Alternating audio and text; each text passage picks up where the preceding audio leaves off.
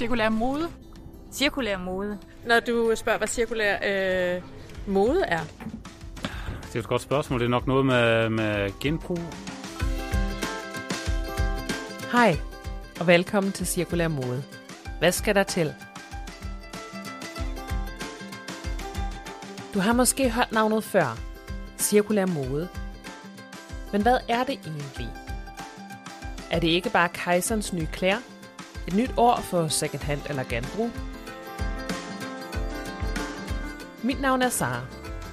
Jeg er forsker og centermanager på CBS. Og jeg elsker tøj. I denne podcast kommer jeg til at mødes med forskere, praktikere og almindelige forbrugere som dig og mig. Sammen prøver vi at blive klogere på, hvad cirkulær mode er, hvad det kan, og hvad der skal til for os som samfund at lykkes med den cirkulære omstilling. Dagens gæst er Christian Nielsen. Skønt, at du har lyst til at være med. Velkommen til. Altså, jeg elsker jo at gå i genbrugsforretninger. Jeg elsker det. Åh, oh, hvor er det skønt at gå rundt og ose og finde de her fantastiske øh, skæve ting, som ingen andre har. jeg havde det rigtig hårdt, da jeg smed den ud, men, men der var vist ikke noget om, at altså, der havde jeg gået med den fast i, i 10 år, som mit eneste hårdtøj nærmest, øh, og jeg havde øh, i perioder sovet i den øh, dernede i Frankrig. Så den havde udtjent sin, men, øh, men den, den, den, var, den var ødelagt, mit svar lugtede, og havde udtjent sin værnepligt. Men jeg savner den. Det var dejligt. Det var gode minder. Jeg kunne kramme den som en bamse. Altså jeg har det jo sådan, at hvis, hvis jeg øh, kommer i tanke om et par sko, eller, eller en ny stige, eller noget børnetøj, som jeg gerne vil have, så tjekker jeg altid genbrugsplatform først. Så tjekker jeg den blå vis, eller marketplace, eller hvad der nu findes af andre, øh, før jeg vurderer, om jeg skal ud og handle noget nyt. Jamen, så kommer man bare til at købe et eller andet, og så sidder det bare lidt dårligt, eller det er sådan lidt, altså, ja, hvis jeg virkelig finder noget nede i H&M, som jeg er helt vild med, så tager jeg ned i H&M to-tre gange og prøver den her ting på forskellige dage, øh, for at finde ud af, om jeg virkelig har lyst til at købe den her ting her. Øh, I hvert fald hvis det er til mig, jeg er, lidt, jeg er hurtigere til at købe det til børnene. Fordi de har lidt, altså, ja. Altså, jeg har måske meget tøj, men, men, men det er også fordi, at der er noget, noget af mit tøj, som jeg har haft, siden jeg var nærmest 16 år gammel. Altså så, ja, og så endda noget, som min mormor har haft, som jeg nævnte. Ikke? Øhm, så, øhm, men jeg er heller ikke sådan, sådan en, der har en masse tøj hængende, som jeg aldrig nogensinde bruger, eller som jeg egentlig ikke rigtig er glad for. Altså jeg, jeg, jeg, får, jeg kommer af med det. Øhm, og så er det jo, at jeg overvejer, hvor skal det hen. Hvorfor egentlig en podcast om cirkulær mode? Vi er mange, som er enige i, at cirkulær økonomi er en vigtig brik i fremtidssikringspuslespil. Men hvordan gør vi det i praksis? Cirkulær økonomi er en kompleks størrelse med mange stemmer og perspektiver. Vi taler meget om det, uden at vi nødvendigvis taler med hinanden om det. Med denne podcast vil jeg gerne skabe et talerør til vores dygtige forskere og praktikakolleger i feltet. Dagens gæst er Christian Nielsen. Christian er postdoc på University of Cambridge, hvor han beskæftiger sig rigtig meget med bæredygtig forbrugeradfærd, selvkontrol og adfærdsændringer. Christian og jeg tog en snak om bæredygtige eller cirkulære forbrugsmønstre, når det kommer til tøj, og hvad der skal til for os som enkeltforbrugere at lave om på vores eget adfærd.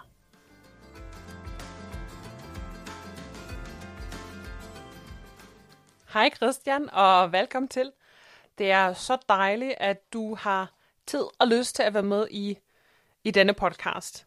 Du er jo enormt travlt for tiden med din, din flytning til Cambridge fra Paris via, via København.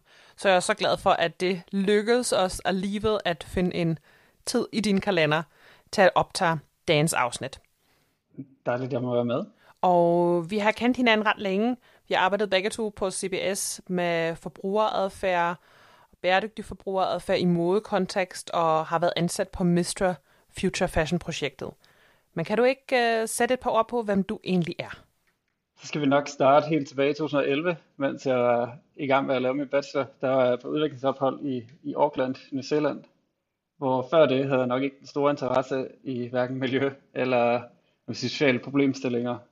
Men et kursus ændrede min opfattelse og fuldstændig i gang satte en interesse, tror jeg, i miljøproblemstillinger, og dels også i det at studere.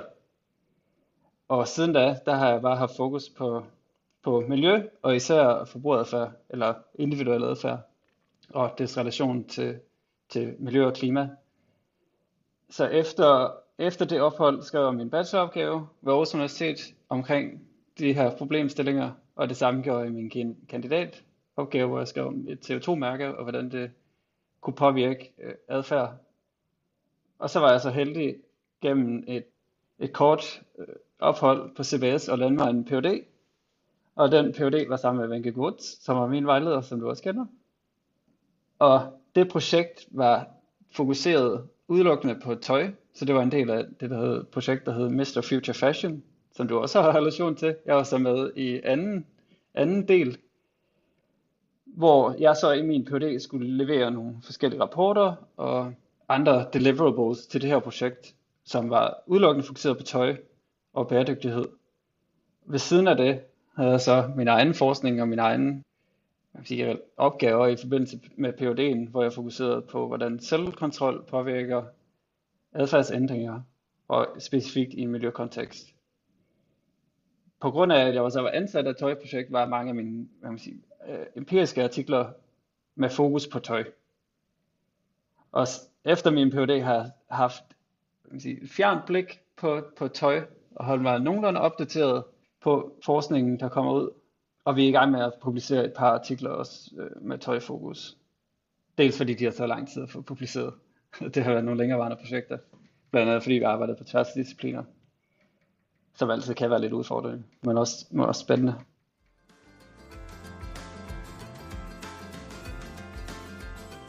Men med de briller, og, og nu mener jeg ikke dine, dine faktiske briller, du har på, men med dine forskerbriller og, og de aspekter, du beskæftiger dig med, hvad, hvad synes du, der er spændende ved mode og tekstilkontekst fra, fra en forbrugerforskerperspektiv?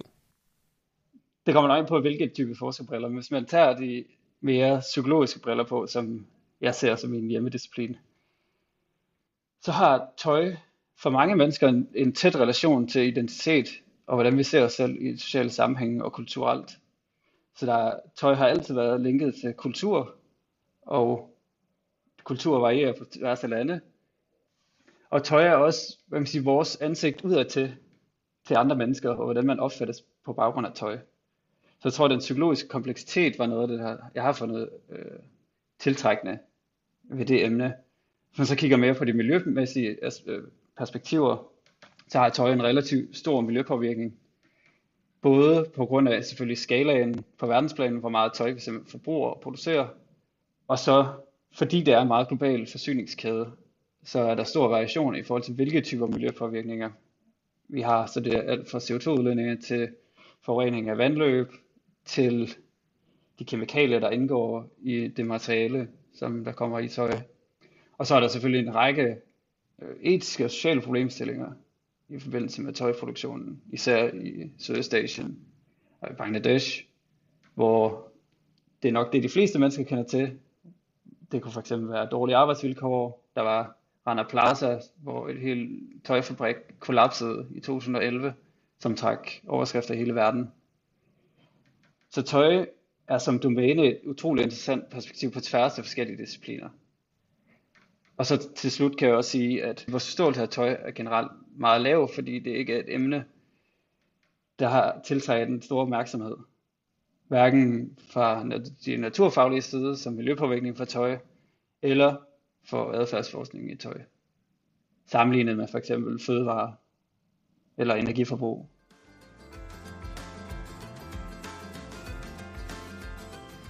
Du har jo beskæftiget dig meget med nogle forskellige forbrugsmønstre i forhold til, til tøj og, og modeforbrug. Men hvis man kigger på det fra en bæredygtighedsperspektiv, hvilke forbrugsmønstre træder tydeligst frem? Ja, det er et ret spændende spørgsmål, fordi jeg tror, mit svar er måske anderledes, end folk forventer. Så hvis du ser på, hvad mange, tror jeg, mennesker opfatter som værende bæredygtigt tøjforbrug, det kan fx være, at man køber økologisk bomuld. Man kan købe tøjprodukter, som, hvor en stor del af materialet fx er genanvendt, eller recycled på engelsk. Og det kan være at bruge andre, andre sige, ikke traditionelle metoder, hvor man kan få sit tøj på. Det kan være genbrugstøj, det kan være, at man går på byttemarkeder osv. Og de har helt sikkert deres værdi som en, som en løsning på de miljømæssige problemstillinger, som helt sikkert udfordrer tøjindustrien fremrettet. En anden er simpelthen det ikke at, at forbruge særlig meget i første omgang. Og der er et sjovt paradoks tit mellem folk, der ser sig selv som værende bæredygtige tøjforbrugere, som måske netop køber økologisk bomuld, de køber recycled øh, tøj, men det har stadigvæk en miljøpåvirkning.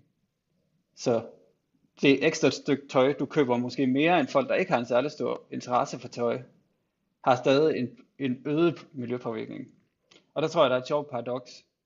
Så det vi ser fra nogle af de studier, vi har lavet, det er, at de mennesker, der generelt ikke har en særlig stor interesse for tøj, som måske nogle gange køber tøj i Bilka eller andre steder, hvis de ikke køber særlig mange produkter og har deres tøj i lang tid, så er deres miljøpåvirkning stadig lavere end en, som har en stor, en stor interesse for miljø, eller både for miljø og for tøj, som i sidste ende ender med at forbruge øh, mere tøj.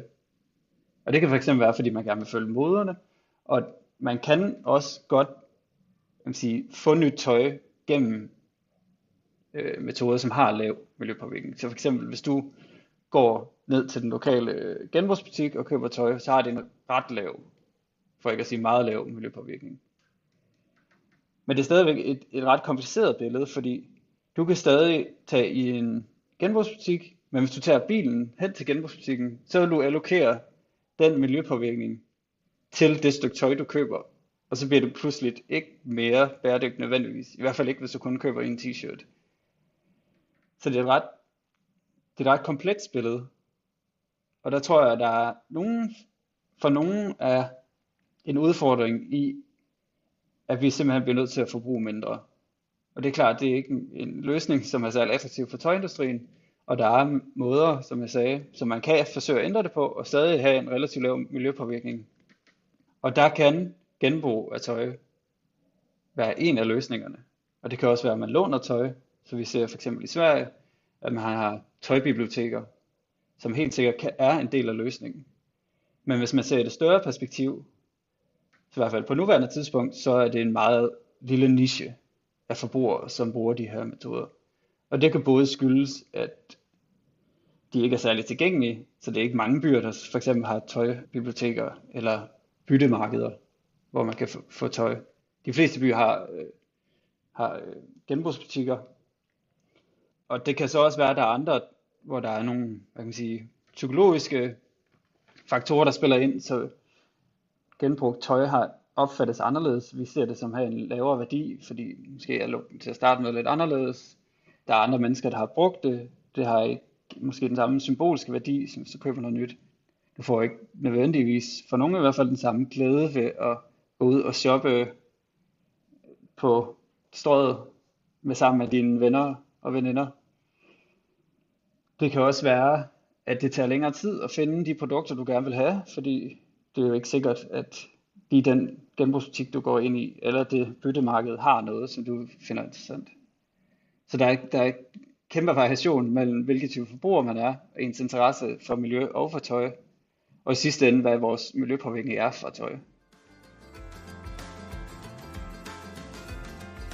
Okay, så, så man kan sige, det, det der selvfølgelig i første omgang spiller en ret stor rolle, det, det er simpelthen et spørgsmål om volumen.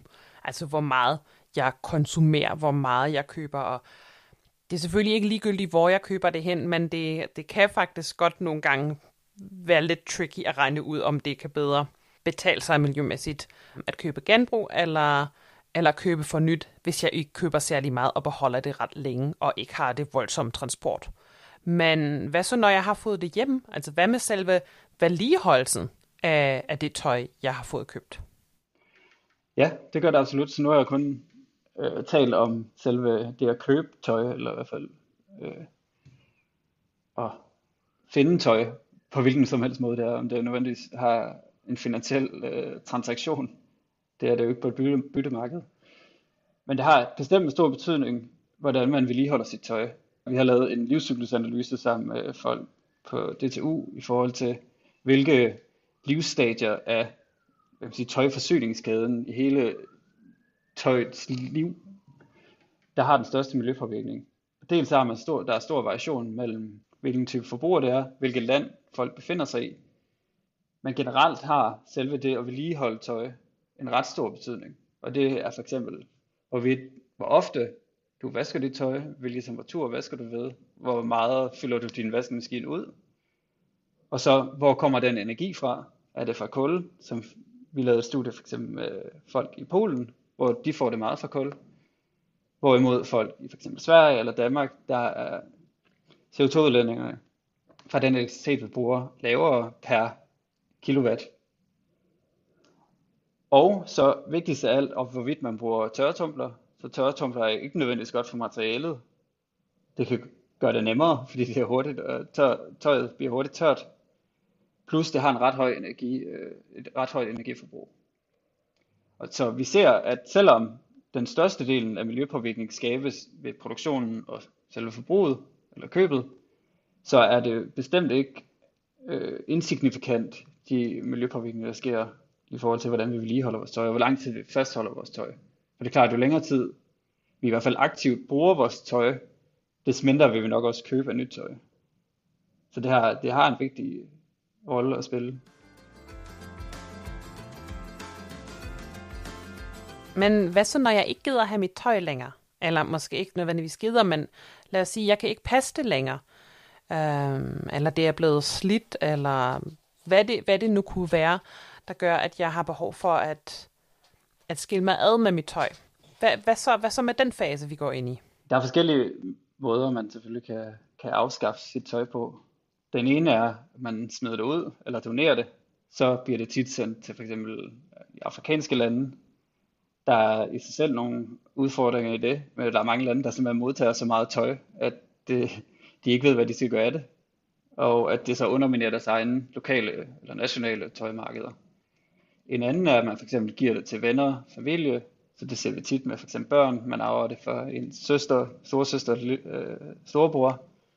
Det er eller hvis man simpelthen helt vil af med tøjet, det er, at man, man donerer det, så det bliver genanvendt. Og det kan enten være nogle butikker, der for eksempel tager imod øh, deres tidligere produkter, som du har købt i den butik, eller der er øh, øh, genbrugsstationer, der tager imod tøjet. Og så ideelt set vil det tøj så blive genanvendt til ny produktion af nyt tøj. Der er så nogle udfordringer i forhold til det stadie, og det er blandt andet, at mange af de det tøj, vi har, er, er lavet af blandingsmaterialer, som gør det sværere ligesom at adskille fiberne i forhold til at så kunne gen, genbruge materialerne til nyt tøj. Så for eksempel, hvis vi har et stykke tøj, hvor 2% er spandex, så skal du separere de 2% væk fra for eksempel polyester. Og hvis du ikke kan skalere nok op i forhold til for eksempel spandexproduktionen til, at det giver mening i forhold til at genanvende den del, så så har det nogle udfordringer. Og så er der to forskellige typer af genanvendelse. Den ene det er mekanisk genanvendelse, som er det, vi typisk ser i øjeblikket. Det er simpelthen, at man bare genbruger direkte materialet til at lave nyt tøj. Udfordringen her er, at du har øh, en reduktion i forhold til tøjets kvalitet, i et vist omfang i hvert fald. Men det gør så stadigvæk, at der er mindre energi øh, input og materiale input til at kunne lave nyt tøj fra gammelt tøj.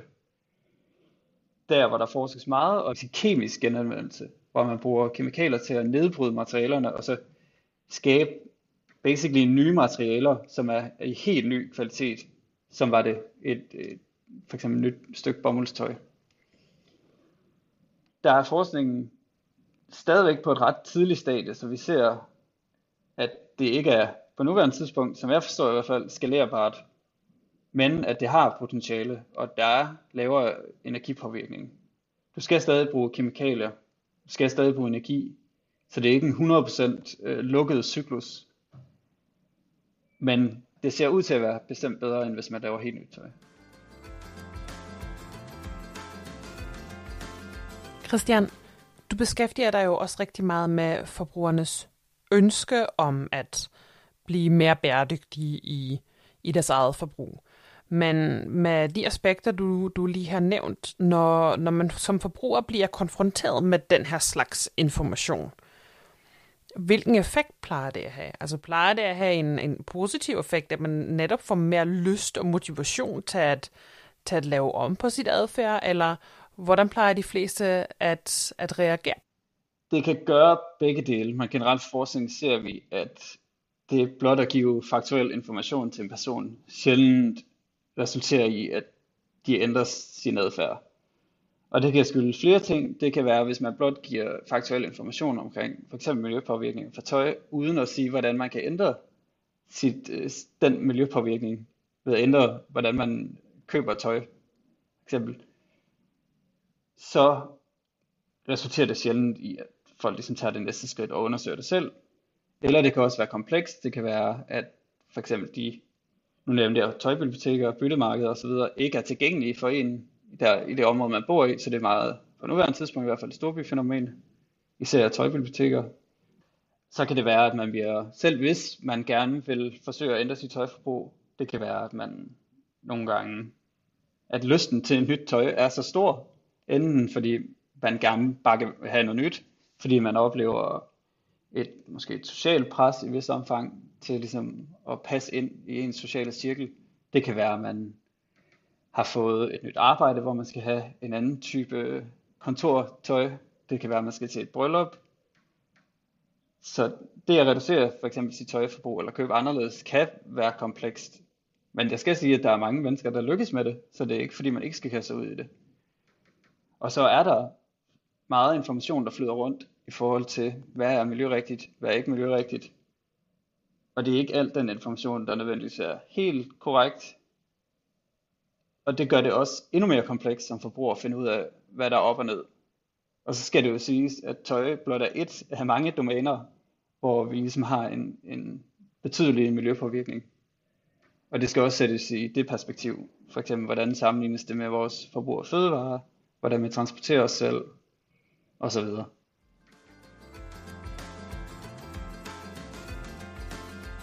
Men øh, hvis informationer ikke virker, hvad, hvad skal der til i, i dit optik? Um, hvad skal der til for, for os som almindelige forbrugere at, at lave om på vores tøjforbrug? Det er jo et meget komplekst spørgsmål, og jeg vil ønske, at jeg havde det rigtige, øh, det endelige svar på det. Men det, øh, faktum er, at det varierer utrolig meget mellem mennesker. Så en løsning er jo selvfølgelig at forsøge at motivere folk i første omgang til at ville enten reducere deres øh, tøjforbrug, eller købe anderledes tøj, så hvis jeg nævnte for eksempel øh, miljømærket tøj, eller det kunne være at bruge nogle af de mere alternative forretningsmodeller. En andet er, at man for eksempel lærer folk, hvordan man reparerer sit tøj, så man er fri for at skulle smide det ud, hvis der er kommet et lille hul i. Den løsning, jeg tror er vigtigst af alt, det er, at man opskalerer de alternative forretningsmodeller, så de bliver tilgængelige for flest mulige mennesker. Og det kræver, at man både fra politisk og fra virksomhedernes side vælger at investere øh, ressourcer til at kunne gøre det. For eksempel nu det tøjbiblioteker, det er blot en løsning, men det er ofte svært økonomisk til at starte med at, at kunne have og kunne drive et tøjbibliotek, fordi der simpelthen ikke er nok øh, indtægt og det kræver, at man, man får noget økonomisk støtte til at starte med, som kan gøre, at flere mennesker ønsker at starte deres eget tøjbibliotek, eller hvad det nu, hvilken løsning det nu kunne være. Så kunne det være, at mange af dem er gemt væk, så det kunne være, at det er kun i visse områder, så der er mange, der simpelthen ikke ved, at de eksisterer. En anden, hvis man kigger mere på det, sådan det, det enkelte produktvalg, det er, at lige nu har vi udelukkende hvad kan sige, miljømærker, som enten som stort set bare er et statement af, det er økologisk produceret, eller det bruger miljøvenlige øh, materialer. Men det giver som sådan ikke ret meget information om, hvorvidt det egentlig er mere miljøvenligt. Så vi ved, at økologisk øh, bomuld er lidt bedre, men det er kun det materiale input, der går ind i en endnu større produktionsproces. Og der er mange skridt undervejs, som også har en miljøpåvirkning. Så i hvor vidt omfang er de her alternativer, eller hvor, hvor effektive er de til at reducere miljøpåvirkninger? Den information er ikke tilgængelig til forbrugerne på nuværende tidspunkt. Så noget af det, der interesserer mig meget, er for eksempel en CO2-mærkning, hvor man giver både et, et kvantitativt estimat på, hvor meget CO2 udledes i forbindelse med det her enkelte produkt. Og hvis det skal være effektivt, endnu mere effektivt CO2-mærket, så vil man også have en eller anden form for rangering og sige, hvordan er det her sammenlignet med lignende produkter.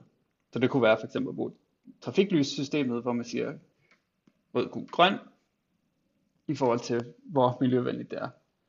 Men igen, det er i sig selv også svært, fordi CO2 er blot en ud af flere miljøpåvirkninger, der er for tøj. Så det kunne også være, som jeg nævnte, vandforbrug. Det kunne også være forurening af lokale øh, floder øh, i for eksempel Bangladesh eller Indien, hvor tøjet produceres, som har reelle konsekvenser for de mennesker, der bor omkring de fabrikker.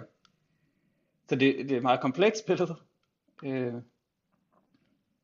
men der, så der er meget, mange forskellige muligheder for at kunne hvad man sige, ændre tøjets miljøpåvirkning. Men det kræver, der er ikke nogen enkel løsning, der kan, der kan klare det hele. Desværre.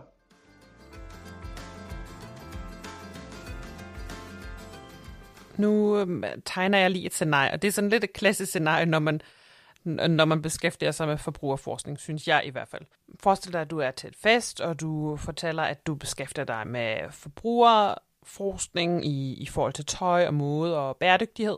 Og så kommer det klassiske spørgsmål, hvad skal jeg gøre? Altså, hvordan kan jeg komme i gang, hvis jeg gerne vil lave om på mit eget forbrug?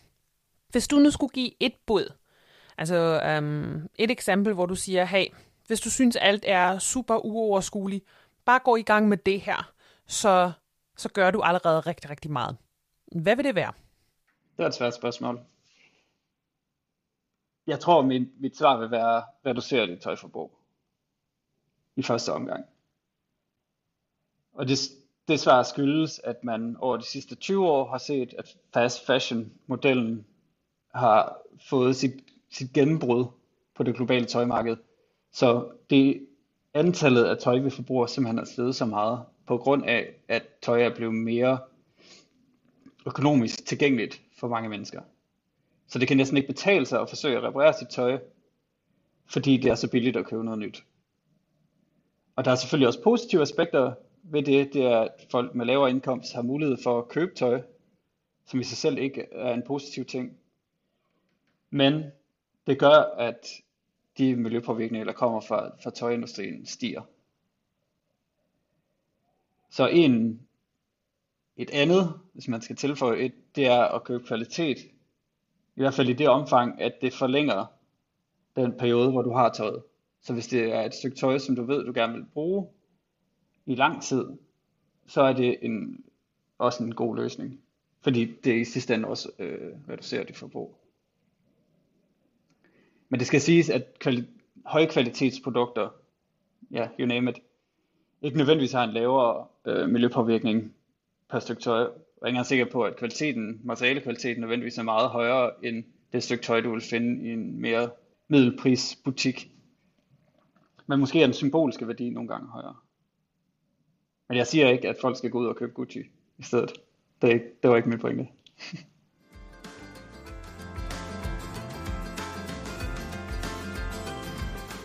Hvad synes du? Lyder det spændende? Har du lyst til at høre mere? Så husk at abonnere på denne podcast. Hvis du har nogle idéer til emner og personer, du synes, vi burde have med i kommende afsnit, så send endelig en mail til os på sustainability